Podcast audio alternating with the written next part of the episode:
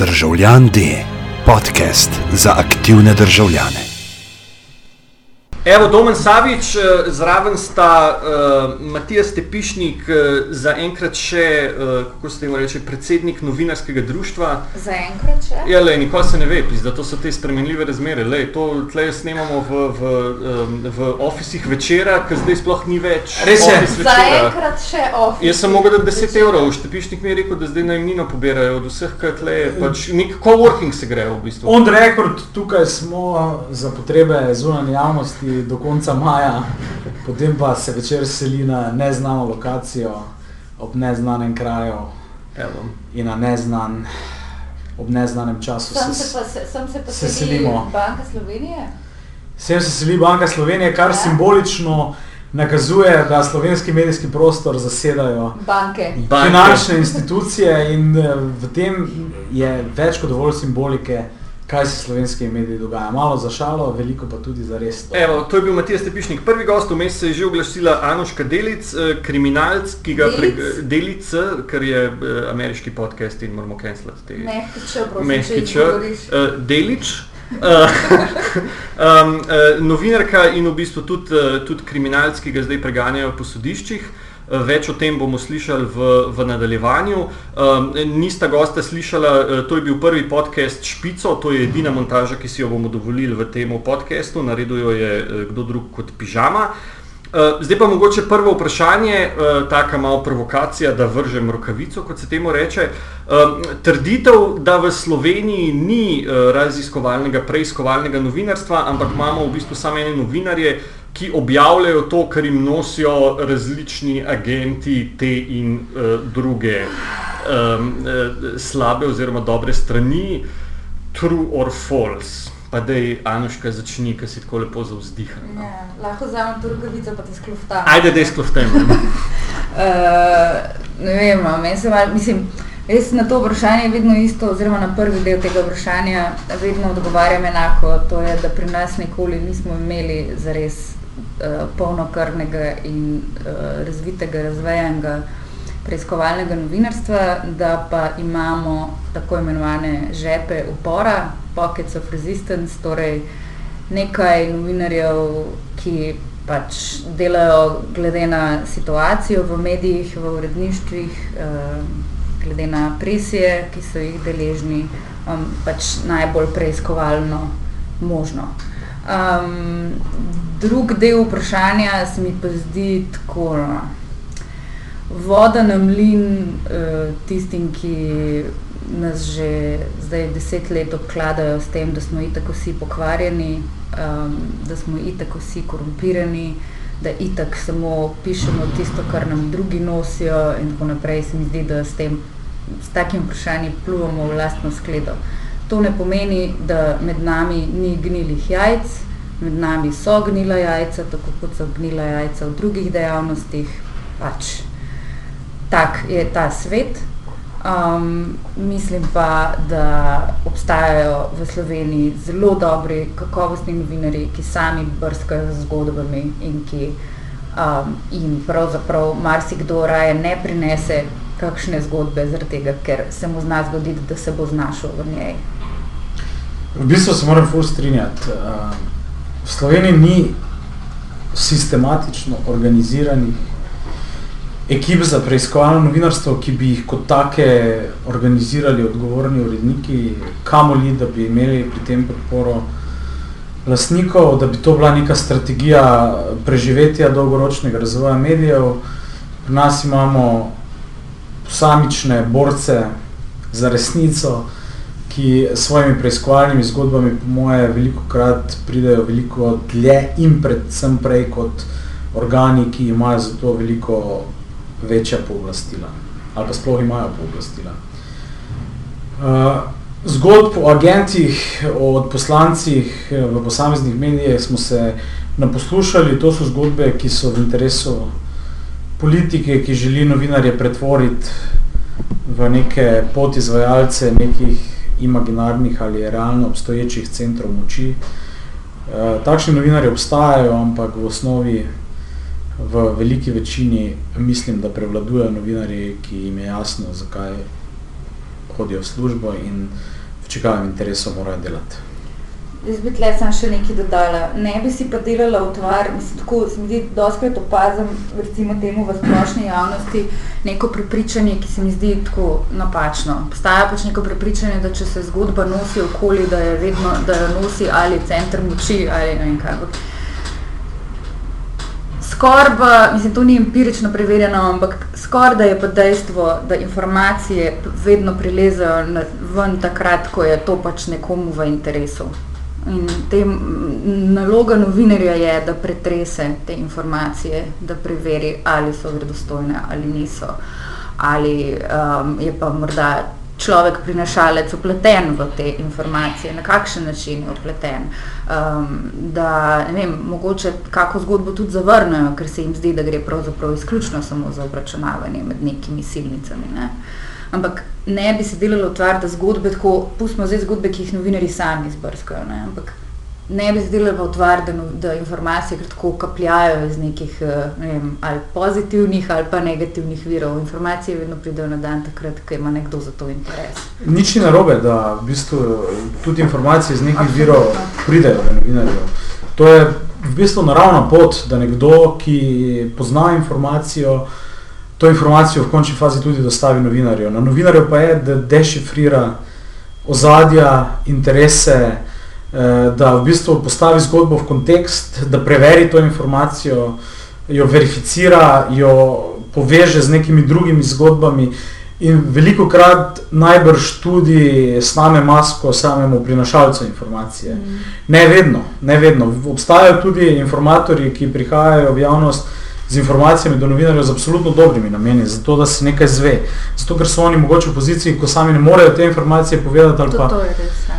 ali pa, ali pa seveda si predvidevajo, da bo neka medijsko, medijsko podkrep, pač podkrepljena zgodba imela veliko večji učinek, kar je res.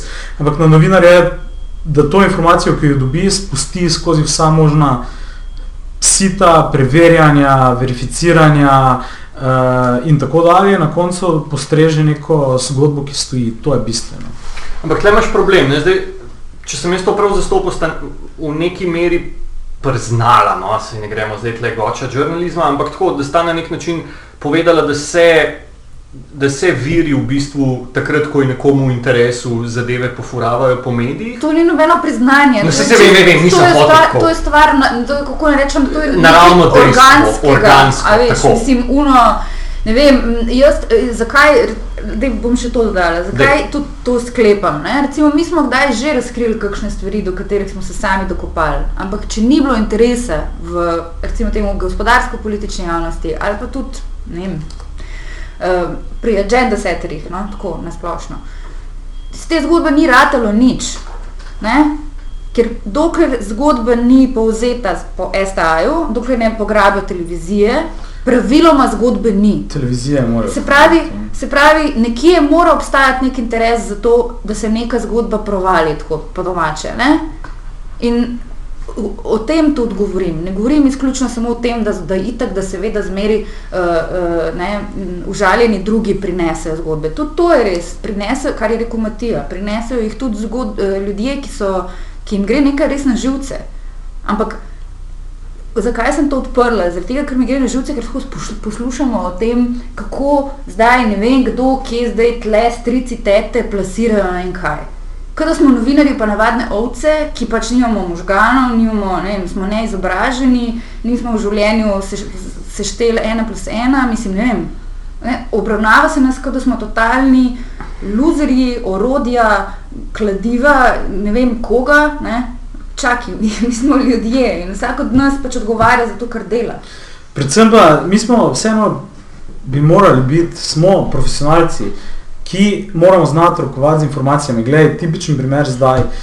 Zgodba, ki se ta hip dogaja, ki je totalno v špici agende, zanimanja vseh opinion makerjev, odločevalcev političnih, gospodarskih, je Slava banka, je SDH. Prinašalcev informacij v tej zgodbi je milijon. Kličejo levi, desni, zeleni, črni, rdeči lobisti, ljudje, ki imajo informacije in taki, ki bi v bistvu radi te informacije samo preusmerili nekam drugam.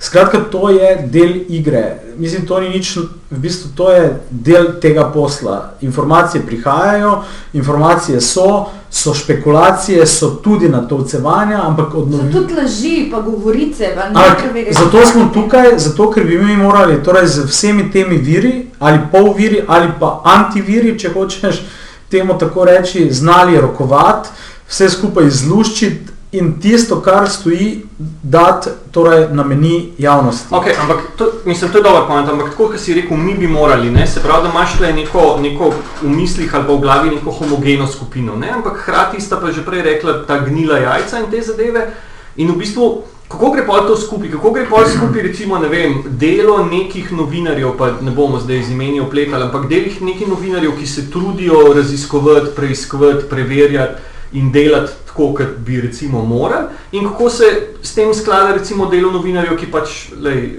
bom rekel, jebi ga, tega ne počnejo oziroma se grejo po liniji najmanjšega odpora oziroma po liniji tega, da mu pač nek boter nekaj prinese, on to pogleda, objavi in se potem iz Prepiše tega in se prepiše in se podpiše. potem tega, iz tega dela zgodba. Ne? Kako, ali pa kako ne, recimo, mogoče na svet za javnost, ne, kako prepoznati bullshit oziroma kako sfiltrirati, je to zdaj samo stvar osebnega brenda novinarja, pa gremo spet tle na preference, ki jih tako filtriramo tako, ne, pač njega imam rad, njega Slavko Bobovnik, vse kar reče je res, ne vem kdo, vse kar reče, veš, da je totalen krep, ne, ali ne vem, dajmo probati. Ma, jaz ne vem, mene v bistvu najbolj, mislim, predvsem skupaj najbolj skrbi eh, to vprašanje, ali javnost v resnici sploh še zna brati medije. Pa ne samo medije, v bistvu vse informacije, s katerimi so soočeni vsak dan in teh je če dalje več. In Okej. v teh pogojih, v katerih živimo, torej v informacijskem izobilju in tudi dezinformacijskem izobilju, bi morala biti v bistvu naloga novinarjev še toliko pomembnejša in novinarji bi mogli, veliko, veliko manj bi morali biti takih, ki pač prepišejo in se podpišejo. Uh, torej, obstajajo eh, taki, ki delajo preveč na polno, obstajajo taki, ki delajo manj in tako naprej. Želim pa si, da bi bila, uh, recimo, ta, da bi bil ceh v tem smislu veliko bolj homogen, ker smo zelo heterogeni. Um, in uh, z strani javnosti pa vidim, da ne vem, ljudje ne ločijo med komentarjem in člankom, čeprav je evidentno, vem, komentar napisan v italiksih, pa a veš, kaj pa šele, ne vem, mi, mi smo imeli že kakšne hude pripombe ali pa popravke zaradi kajzrc, ki so pač evidentno satira. ne. Uh, se pravi, to na eni strani, na drugi strani pa vidim, da tudi ljudje, um, ki so sicer upeti v medijski prostor, sami doskrat ne sfolgajo, da bi preverili tisto, kar v resnici, da bi sami pretehtali tisto, kar vem, delijo naprej, a, a, da bi to dobro prebrali. Ne. Se pravi, um, ker smo vsi tako preobremenjeni s temi informacijami, se mi zdi zelo pomembno tudi v bistvu vzgoja javnosti. Torej, kako Strani Kako? koga, mislim, kdo zdaj to Ne vem še, kako bi, kdo bi to vzgojil, nimam recepta. Želim pa si, da bi se nekaj na tem področju dogajalo. Da bi pač, oprosti, se bom zaključila. Sam, sam to se hoče reči, da bi nekdo ljudi naučil, kako, prever, kako preveriti eno fotko, ne vem, če je fake, kako preveriti neko fake novico. Mislim, a veš, kje iskati, kako izgleda članek, ki je preverjen, kaj vse vsebuje. Ne? Ampak zdaj boš tle, a veš, tle trčeš pol, pa se se lahko tudi zraven, ne, tle trčeš, recimo, Ti kar demo, to, ja, ja, demo, to, freelance pa to. Um, da, da v bistvu trčeš ob isti problem, kot trčeš problem preverljivosti ali pa zaupnosti v informacije z različnih verov. Ne? Veš, če bo zdaj to delal, ne vem, ajde pa dajmo dva ekstrema, vem, če bo na- mladina napisala članek, ne, kako preverjati informacije in če ga bo napisala, ne vem, demokracija, ne, bosta to po moje dva čist različna članka. Ne, jaz ne govorim o tem, da bi mogli mediji vzgajati javnost, ampak pač na nek način No, ampak- se mora sprovesti ta, ta, eh, to, da se začne naša javnost bolj zavedati tega, kaj je kakovostna informacija in kaj ni, predvsem pa kaj sploh je relevantna in Ne, kaj saj, ni. to sem dal pač kot primer tega, da se, Demokratija, ja. da, se, da se tle v bistvu v Sloveniji, da se, da se ne glede na to na vir, ne, demokracija pa mladina, recimo dva ekstrema, ampak da ne glede na to, kdo bi to naredil, bi dobil isto okoli kepe. Ne, a ja, vi ste uni, mi smo uni. Ne. A veš, takoj se zreducira oziroma takoj se pač vse posimpla, murgle, grosuple.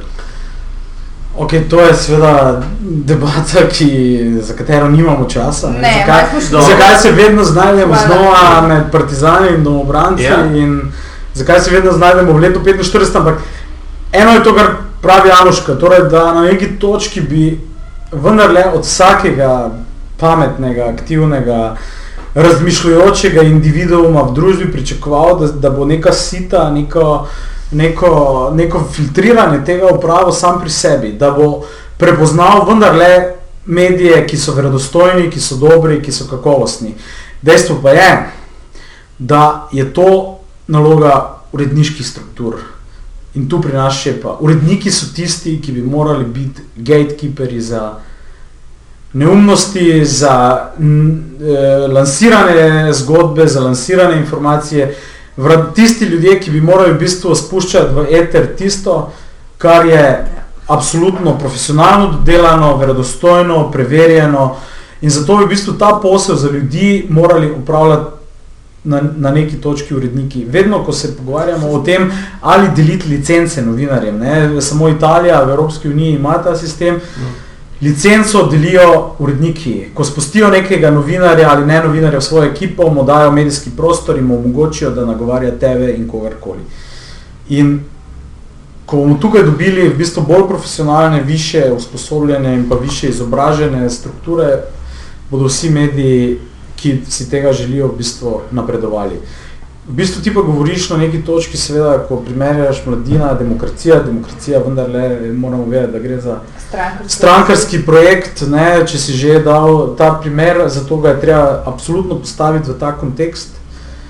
Ker si pa omenil tudi mladino, mladina pa je vendarle medij z neko izdelano uredniško politiko, v čem ni nič narobe. ne. Demokracija ima tudi hudo uredniško Ja, ampak oni imajo samo, oni imajo strankarsko uredniško politiko. Tam je v bistvu uredniška politika, pač uredniška politika ene politične stranke, bolj ali manj. In to, da bi slovenski mediji imeli neke transparentne uredniške politike, ni nič narobe.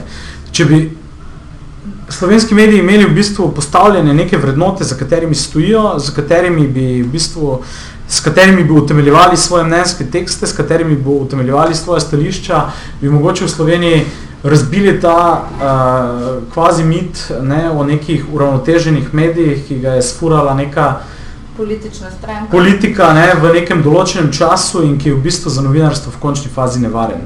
V novinarstvu morajo biti mnenja, morajo biti stališča, to je vrednost, dodana vrednost medijskega prostora, kar pa ne pomeni, da morajo neki mediji, ki imajo izoblikovana stališča, zapirati medijski prostor zato, da v bistvu v njihovih člankih ne nastopajo predstavniki, ki imajo na neke stvari drugačne poglede. To se strinjam, ampak pa pa kontra obrneš, ne? kaj pa če bi drugače naredili, kaj pa če bi se mogel vsak medij deklarirati tako, kot naj bi se, ali pa tako, kot vsi deklariramo demokracijo. In kaj bi pol? Ja, vsaj vedel bi, ne bi bilo tega bullshita oziroma ne bi imel zmeri teh nekih, pod, mislim, To nima veze s kakovostjo medijskih vsebin, nobene. To, kako se deklarira medij, je po moje čisti relevantno. Kako je pa delo deklarirano in kako, mislim... Ja, ni, ne? Ja, no. vsi, se, vsi se izogibajo Ja, teh ampak nekih smo dobili, labelov. smo ne. dobili pa na sebe triumvirat, uh, Slivnik, Jančič, Janša, ne, se je kaj zgodilo, A smo se kaj deklarirali, ne? Ni- Nismo se, ne? samo kar naenkrat smo začeli, smo imeli čudne članke s čudnimi Ampak to je ta, to so, politiko, ampak vse, meni je vseeno, a gre za lev, desen, rumen, zelen, medij, ne rumen, ne, ampak pač recimo, veš, mislim, kaj, mene zanima samo, a so članki kakovostni. Seveda obstajajo pač ljudje na tako imenovanem desnem in levem političnem polu. Tudi novinari so na obeh polih verjetno reprezentirani. Mm. Ampak mene zanima, ali so njihovi izdelki ali njihova vsebina kakovostna ali ne. Mene vseeno nabijajo levico, desnico, sredino, kogarkoli. A ste kakovostni ali ne? To je zame edino vprašanje. Se pa strinjam z Matijo, da je uredniška struktura ful problematična v Sloveniji, praktično neobstoječa. Oziroma pač formalno že je, ampak eh, način dela uredniškega je pa daleč od tega, kar bi moralo biti. Mislim, e, absolutno tukaj niso sita postavljena. Uredniki ne morejo biti ljudje, ki sprejemajo tekste, me, berejo maile in potem na podlagi tega pač nekaj sestavijo. Ali sestavijo poročila ob sedmih ali pa pač naslovnico in drugo in tretjo in dvanajsto stran kjerega koli medija. Mm. In to je problem, v katerem smo začeli to debato, ker nimamo torej, uredniških struktur, ali pa tudi te nimajo v bistvu dovolj časa, da se ukvarjajo samo z tem. Nimamo tudi neke vizije, več zgodb, ki jih bomo delali, ki jih bomo postavljali, vprašanj, ki jih bomo odpirali, ampak se nam veliko krat mediji enostavno dogajajo, to je treba priznati. Se pač oddaja ob sedmih zgodi ali pa se časopis drugi dan zgodi. Nimamo lastne agende, to je za naše bralce, za javnost pomembno, to želimo razčistiti, odpreti, to temo hočemo imeti na naslovnici, ne glede na to, ali bo Janša, Pahor, Kučan, kdorkoli sklical prej 12 tiskovnih konferenc Ja.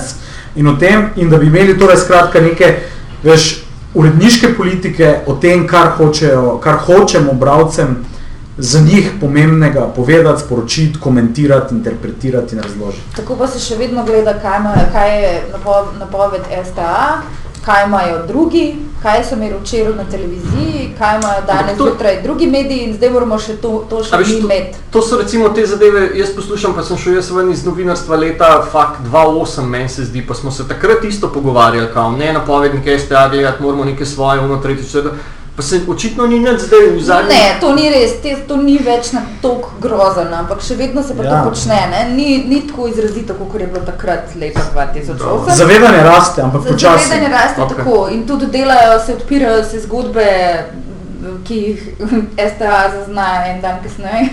Da. a, a veš, mislim, vse tukaj se premika, ni, ni, ni tako, da je še vedno enako, kot je bilo pred okay. sedmimi leti. Pa dajmo zdaj za na koncu, oziroma v zadnji eh, desetini, oziroma v zadnji tretjini oddaje še malo te um, kazenski pregoni, oziroma sodišča in novinarji, ker se mi zdi, da se zdaj to neki, neki ratal trendi. eh, Tožnik, oziroma, kar ga tako pač, kao, ali ste danes že tožili novinarja? Uh, Skoraj, kaj, sej, men, na koncu je reži skoraj vse skupaj eh, tragikomično in smešno, ampak nekdo mi je pred par tedni rekel, ne, a veš, se mi zdi, da obstaja že skoraj da nek tih dogovor, ne, tožilstva in tako naprej, da se te stvari tako nekritično torej, spuščajo naprej.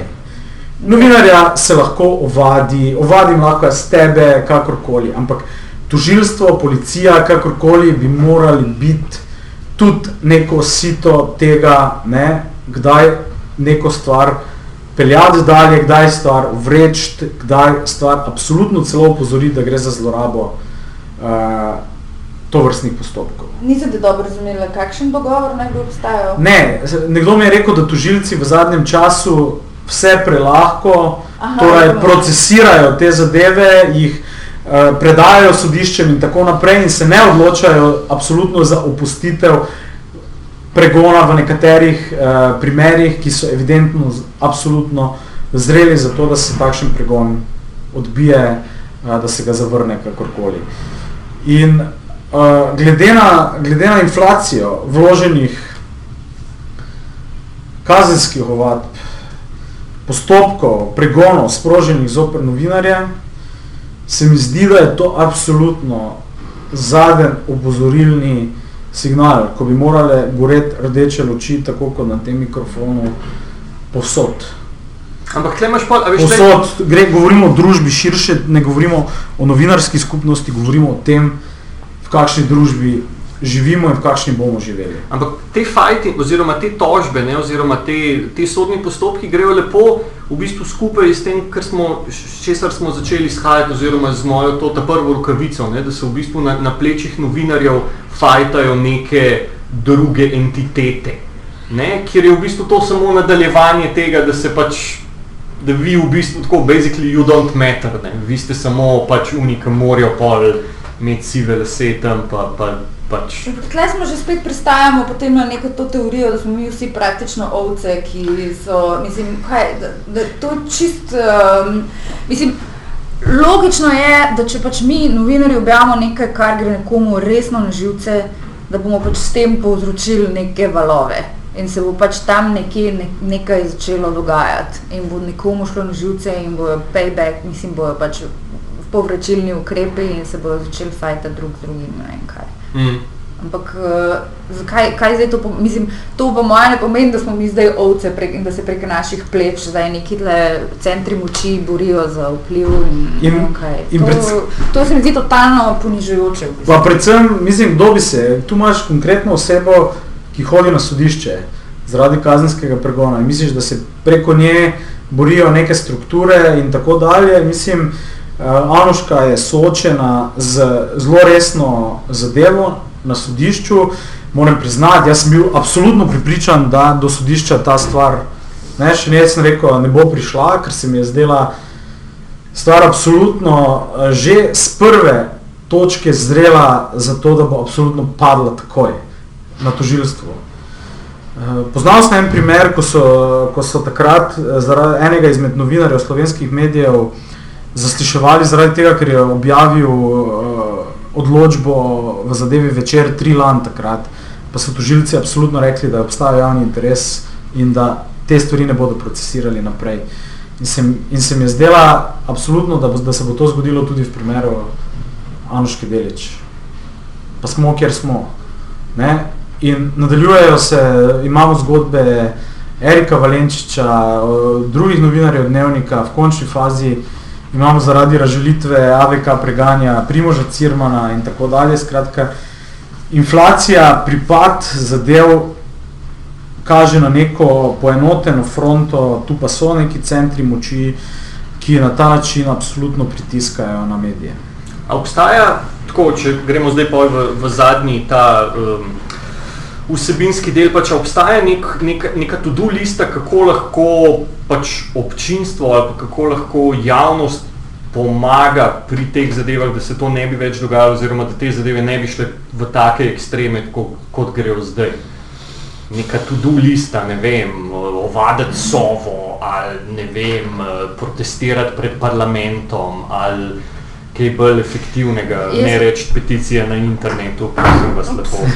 Jaz lahko izhajam pač uh, iz svojih uh, izkušenj um, in zdaj govorimo o tem, kaj lahko javnost naredi. Meni se zdi predvsem skupaj dosti bizarno to, da pravzaprav vsi te organi, ki so sprožili pregon proti meni, proti Eriku Valenčiču, uh, Meti Roglič, Petru Vršinu, Primožu Cirmanu, Tomažu Movicu in kar je še teh. Vsi oni delujejo v imenu javnosti, državljanov. Vsi imenu oni, države. vsi oni Vsi to počno za davkoplačevalski denar. Ne? Skratka, glasnike, tako rekoč javnosti, ne? eh, osebe, ki prinašajo javnosti nekaj, kar je za njo pomembno, pre, pre, preganja javnost. Um, in se mi zdi, ne vem, če se tega dovolj, recimo, temu javnost zaveda. Ne? Torej, oni vsi to počnejo za naš denar. Agencija za varstvo konkurence je užaljena, torej inštitucija države je užaljena za naš denar. Ne? To je prva bizarka. Za ne. naš denar Torej- sproža vse te postopke. Ja, ne, Plačuje odvetnike. Mislim, to nekaj stane. To, da sem jaz tam na sodišču s svojim odvetnikom, kjer poslušam tožilko, ki nima blage veze o materiji, ampak res nima blage veze, je, to je wasting, pardon, to je pač tratenje državnega, to je davkoplačevalskega denarja. Tega se noben ne vpraša. Torej, nekako bo tle treba v javnosti, uh, javnosti dopovedati ozavestiti, da se vse to dogaja na njihov račun. Ok, ampak konkretno to pomeni kaj? Da bi mogli težiti parlamentu, vladi? Parlamentu bi bilo treba težiti, zdaj, tako, najprej ena stvar je, ministrstvo za pravosodje pripravlja spremembe kazenskega zakonika, ki ne, ki ne bi prinesel tudi spremembo določbe, ki zadeva objavo tajnih informacij. Ja. Glede na trenutne podatke o tem, v kakšno smer se odvija uh, ta novela, je to zelo slabo. Um, gre namreč za to, da ne bi razmišljali o tem, da bi bila izjema uf, pravzaprav beseda na nekaj v smislu, da je dovoljeno, kako že, da, je, da se ne kaznuje tisti, ki razkrije nepravilnosti nezakonita ravnanja. To je čisti bullshit. Ne? Ja, to je. To se pravi, to je prvo, treba je orang pritisniti na ministrstvo za pravosodje, da se pač spremeni uh, uh, določba tako, da bo bliže tisti, ki je že veljala, ki je torej dovoljevala, dopuščala objavo, uh, kadar je šlo za uh, izražen interes javnosti, in, torej jasen interes javnosti in kadar ni šlo na škodo države, hkrati oba pogoja sta morala veljati. Um, to je ena stvar. Ker sem na sodišču zaradi poročanja, razkrivanja povezav med SDS-om in neonacisti in ker smo imeli v mm, ne tako dolgo nazaj parlamentarno preiskovalno komisijo, ki se je ukvarjala z ekstremizmom uh, in to v dveh delih. Prvi je bil zakonodajni, drugi pa politični do drugega nikoli niso prišli. V državnem zboru sedi en kup dokumentov, informacij, ki jih je ta komisija že zbrala. Naj javnost, če, se, če uporabim recimo temu ameriško prispodobo, pokliče svoje predstavnike in zahteva od njih, da ponovno ustanovijo preiskovalno komisijo o ekstremizmu, ki bo raziskala ne samo politične povezave, glede na zadnje dogodke, mislim, da je treba preiskati tudi povezave z konkretno slovensko vojsko. In prej si omenil ovadbe, ja, jaz sem v konfliktu interesov tle, očitno, dokler sem še v postopku, ampak um, zelo bi me zanimal uh, izkupiček ovadbe zoper nekdanje vodstvo Sove, um, če bi jo recimo nekje nekdo nekoč uložil, ker namreč vse kaže, da uh, tam obstajajo sumi zlorabe položaja, nevestnega dela in tako naprej. Skratka, za prikrivanje marsičesa kar bi javnost sicer zelo, zelo zanimalo. Uh, utopično vrednost je predstavljati, da bodo voljivci, državljani, politiko, ki preganja svobodne medije, ki preganja kritično misel in ki preganja to, da uh, afere nepravilnosti pridejo na plan, poklicali na volitvah. To, smo, to lekcijo smo že dali skozi prevečkrat. Uh, v tej državi, kar bi javnost lahko naredila, je v prvi vrsti, da bi v končni fazi to, kar si sam začel, eno izmed svojih akcij, začela selekcionirati tudi medije, tiste medije, ki dejansko so mediji, ki predstavljajo javnost, ki zastopajo javni interes in tiste medije, ki so zgolj neki sateliti različnih opcij, političnih skupin ali kapitalskih skupin, da bi torej neko selekcijo začeli na tej ravni. Kar se potiče same države in tega, da državni uradniki, kot je gospod Krašek iz Agencije za varstvo konkurence ali pa prejšnje vodstvo ali pa katero izmed več vodstev Sove v bistvu, ne, uh, uporablja torej državne vzvode za to, da preganja novinarje.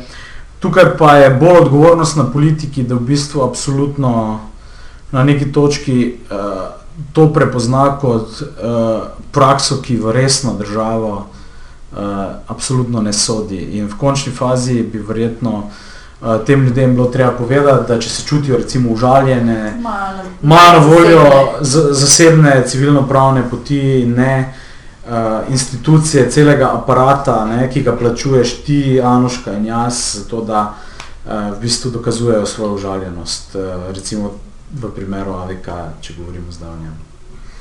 Evo, dragi moji, ta podcast smo posneli 4. marca, zato ker bo šlo to gor naslednji teden, oziroma berete to, poslušate to v prihodnosti. Posnet je bil za zaseben denar, nismo oškodovali davkoplačevalskega premoženja in to je to. Posnet je bil v bodočih prostorih Banke Slovenije. V bodočih prostorih Banke Slovenije. Jaz mislim, Domen, hvala, imaš ekskluzivno, vredno eden zadnjih intervjujev, preden hakli prodati prostore dokončno Evo. Uh, Banki Slovenije, zato uh, bomo mi v bistvu uh, na koncu nazdravili na ta trenutek. Jaz nazdravljam in, in, in, in, in, Hvala lepa, čin čin in lepo se majte.